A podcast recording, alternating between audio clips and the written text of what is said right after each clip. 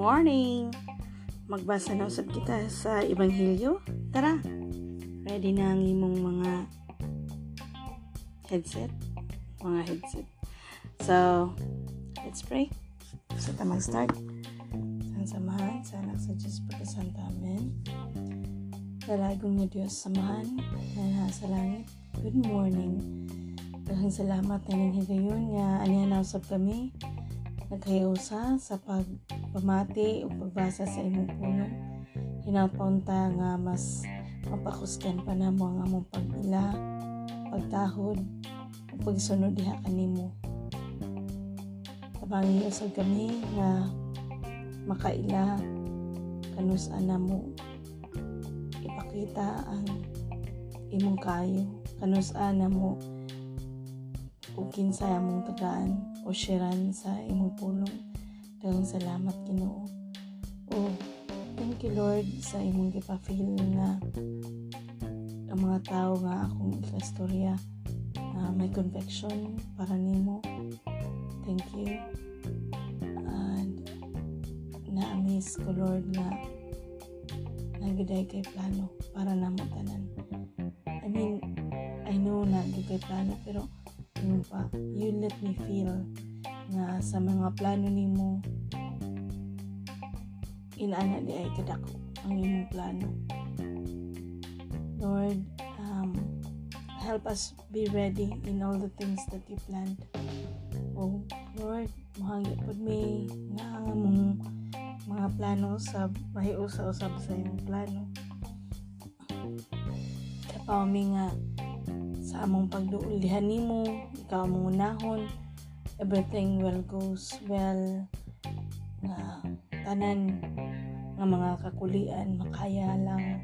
Tanan nga mga kasakitan dili mo matter. Dili kayo importante. Dili kayo siya matagad. Kay ang among pagtagad anaa kanimo ang tanan namong mga kaguol among gi-surrender nimo Lord. Ug tanan namong mga paginahanglan amo sa surrender nimo kay kita ka unsay mas importante sa among kinabuhi. Kining tanan among gipanghayo ug gipasalamatan pinaagi sa ngalan ni Kristo among Ginoo. Amen. Sa samahan sa anak sa amen. Ang Mayong balita, mahitungod kang Heso Kristo, anak sa Diyos. Sumala sa Ebanghelyo ni San Lucas, Kapitulo 24. Versikulo 1 hangtod sa 53. Ang pagkabanhaw.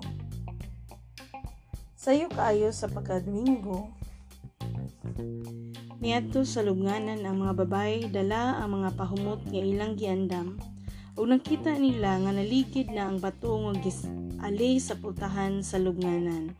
Busa misulod sila apan wala nila hikit-i ang lawas sa Ginoong Hesus.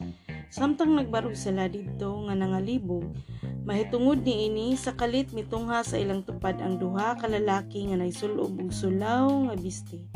Nangalisang pag-ayo ang mga babaye ug miduklo sila. Samtang maingon kanila ang duha ka lalaki, nganong gipangita man ninyo ang buhi diha sa mga patay. Wala na siya dinhi, nabanhaw siya. Hinumdumi ang iyang gisulti kaninyo sa didto pa siya sa Galilea. Ang anak sa tao kinahanglan nga tugyan ngadto sa mga makasasala ug gilansang sa krus ug unya banhawon sa ikatulong adlaw. Unya nahinumduman sa mga babay ang iyang gisulti. Namauli sila ug gisugilo nila kining tanan ngadto sa unsi ka apostoles ug sa uban. Ang mga babay mao si Maria Magdalena, si Juana ug sa Maria nga inahan ni Santiago.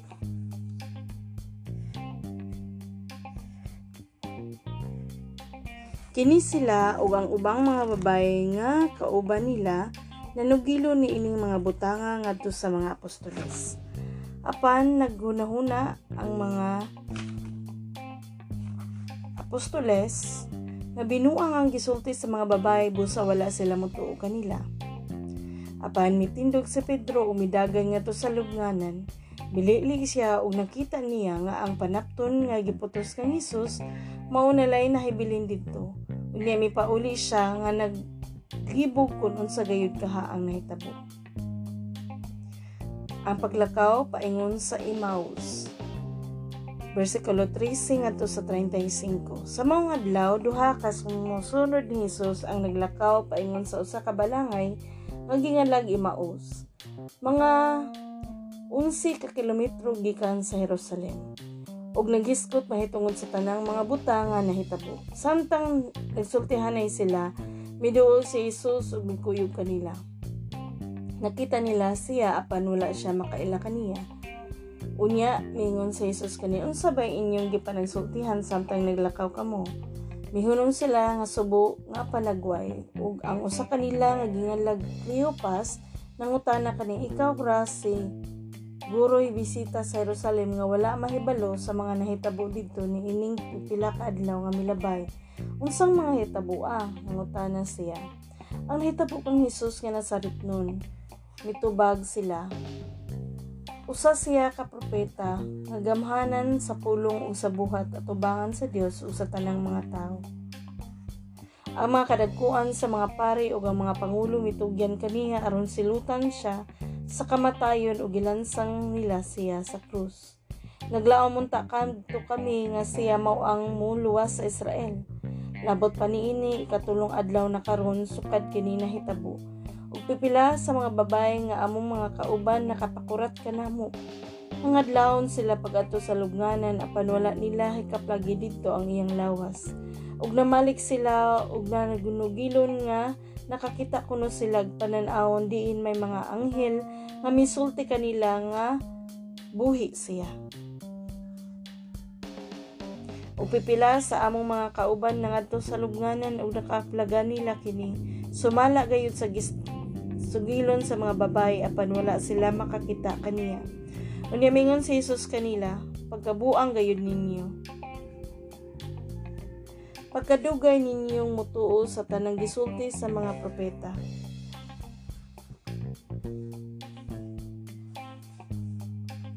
Dili ba kinahanglan man nga magantos ang Mesiyas na ining mga butanga ug unya mosulod sa iyang maya? Ug gipasabot ni Jesus kanila ang gisulti mahitungod kanila sa tibuok kasulatan. Sugod sa mga basahon nga gisulti ni Moises hangtod sa mga sinulat sa tanang mo propeta. Niatong tungura duol na sila sa balangay nga ilang adtuan ug daw nagpasabot si Jesus nga mopadayon lang sa siya sa unahan apan gihawiran nila siya og ingnan anhilang ta mamahulay kay hapit na magabi Busa mi padayon siya ug nagpabilin uban kanila. Sa ilan ng pagpanihapon gikuha niya ang pan ug gipanalanginan kini unya gipikas-pikas ug gihatag kanila. Ya diha nabuka ang ilang mga mata ug nakaila siya sila kanila apan nahanaw siya. Naging nanay sila, dili ba ingon sa may kalayo nga nagdilaab sa atong kasing-kasing sa dihang nagsulti siya ug nagpatinaw kanato sa kasulatan didto sa dalan. Ug nanindog sila dayon og namalik sa Jerusalem diin nakaplaga nila ang unsi ka tinunan ug ang uban pa nga nagkatigong nga nagingon tinuod gayud nga nabanhaw ang Ginoo. Nagpakita siya kang Simon Unyag gisaysay sa duha ka tawo ang nahitabo dito sa dalan ug ang pagkailan nila sa Ginoo sa iyang pagpikas-pikas sa pan. Si Jesus nagpakita ngadto sa iyang mga tinunan. Versikulo 35 hangtod sa 49. Ah, 36 ngadto sa 49. Samtang nagsugilon pa sila ni ini mitungha ang Ginoo sa talawala nila og mingon ang kalinaw maguban kaninyo Nakurat sila og nalisang ug nagunahuna nga nakakita sila multo. Apan mingon siya kanila, nganong nabalaka man kamo? Nganong nagduha-duha man kamo? Tan-awan ninyo ang akong mga kamot ug mga tiil. Ako gayud kini. Hika pa ako ug makita ninyo kay ang espiritu walay unod ug ang bukog sama sa nakita ninyo ani akan ako. Gisulti niya kini og iyang gipakita kanila ang iyang mga kamot ug mga tiil. Apan wala gihapon sila makatuog, gilabihan ang ilang kahibulong apan nalipay sa ilang nakita. Busa gipangutana sila ni Hesus, Duna ba kamoy makaon dinhi? Ug gihatagan nila siya usa ka buok nga sinugbang isda.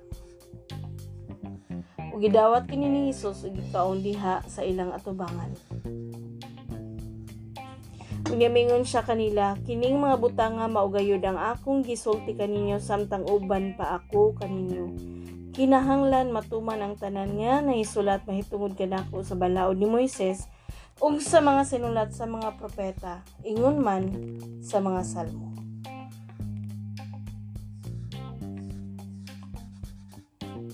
Unya gipasabot nila sila gipasabot niya sila sa kasulatan. Ug mingon siya kanila. Kini mao ang nahisulat nga ang Mesiyas kinahanglan nga magantos. Ug unya mabanhaw sa ikatulong adlaw.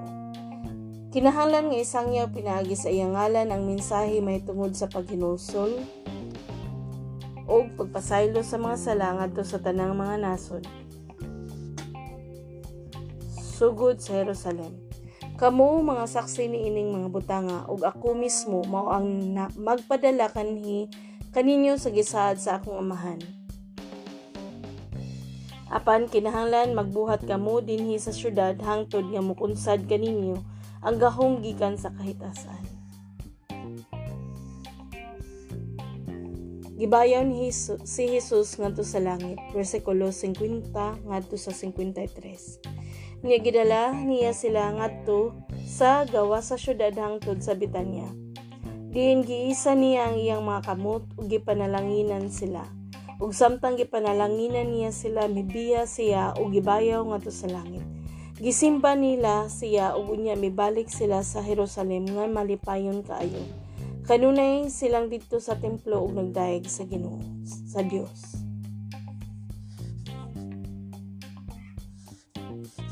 Mao kini ang pulong sa iyo.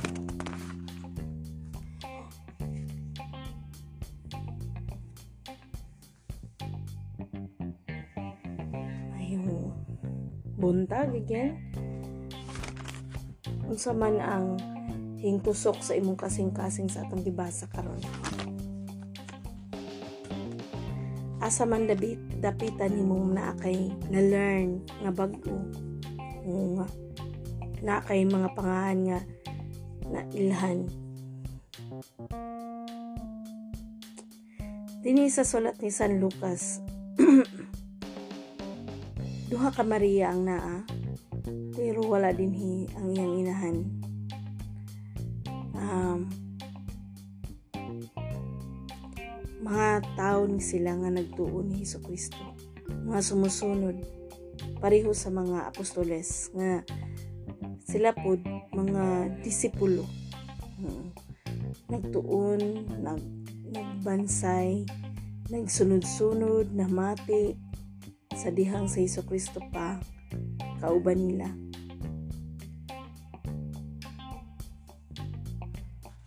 nindot nindot lang uh, intindihon nga bisan sa Hesus Kristo sa iyang kinabuhi iyang gis gisunod nila no sa amahan ang unsa iyang giistorya atong panahon pa ni Moises sa mga propeta ug natuman gayud kini. Ug ang Ginoo wala mamugos no? wala mamugos wala maingon nga ako to.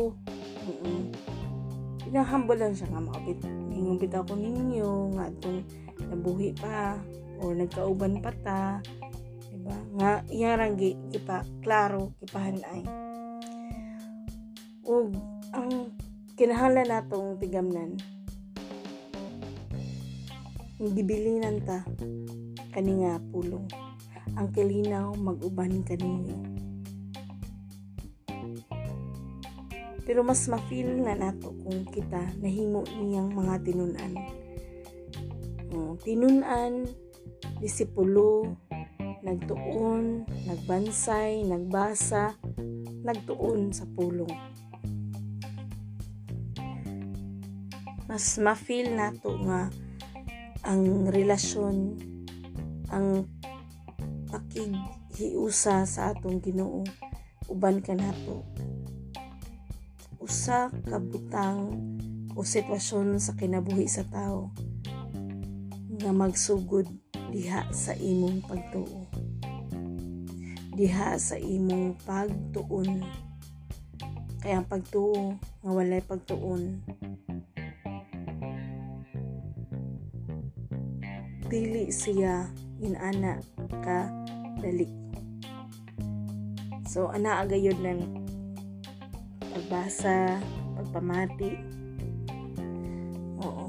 So manghinaot ko nga ikaw. Kung namati ka karon pag journey um, pwede ka hingo mo uban ani pwede sab ka mo journey og imong kaugalingon.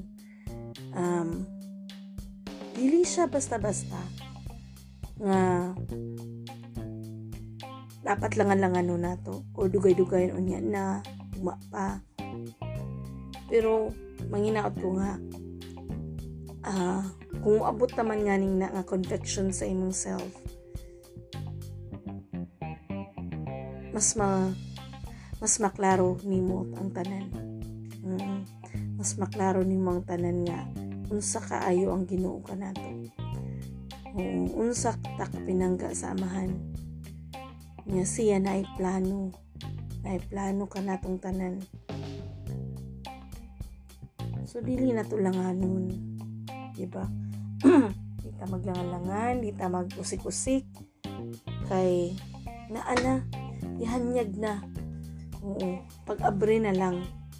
Ang pag-abre na lang. Dini na lang kita kutob. Ayo ta kalimot nga sa kahit tulong adlaw na banaw ang atong Ginoo. Ug sa iyang pagabanhaw, mao kini ang panahon niya kita nabanhaw usab ang atong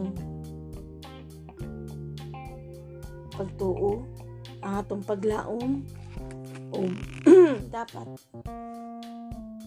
nga may i-remind you nga kinahanglan gyud isang yaw pinaagi sa ngalan ni Hesus Kristo kini nga mensahe maghinusol ug magpasaylo sa mga sala.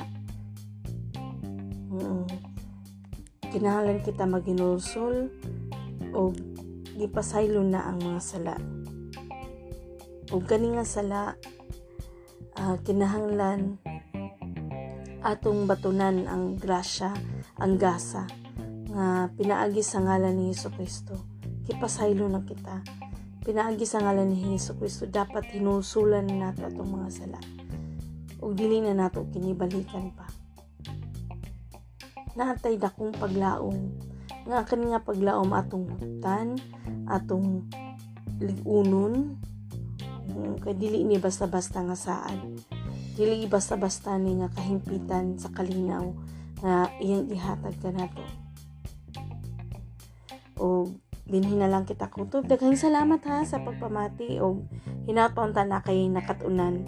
Nasama ni Hesus Kristo kita usab puhon mahiuban kaniya o magampot ha.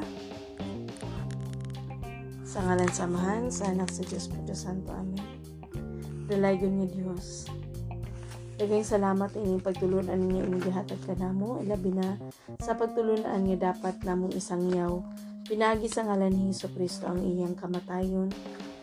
Ang rason sa iyang kamatayon nga among hinusulan ang among mga sala ug tungod ini mapasaylo ang among mga sala. Daghang salamat sa grasya sa kinabuhi ug daghang salamat ining kamatuoran nga ani ana among gi mabasa. Ug unsa man ang imong ipadangat kanamo pinaagi sa Espiritu Santo mas maintindihan namo kini. Ug tungod ini magampo kami amahan namo nga naa sa langit. Wala ano nang imong ngalan magahari ka kanamo ug tumano ng imong pagbuot dinhi sa yuta samang gituman kini dito sa langit. Ihatag kanamo ang pagkaon nga among gikinahanglan karong adlaw Magpasaylo kami sa among mga sala sa mga kami nagpasaylo sa mga nakasala kanamo. Ayaw kami tugyan sa pagsulay, luwasay noon kami gikan sa dautan kay imo ang gingarian ang gahom ug ang himaya hangtod sa kahangturan amen maghimaya ka Maria na puno ka sa grasya ang Ginoong Dios mo na kanimo Gani ka sa mga bayin tanan bulan magsabang bungas tiyan mga sa Santa Maria, inan ka sa Dios, iyan po mo kami makasasala, karon sa oras sa mo'y kamatay. Amen.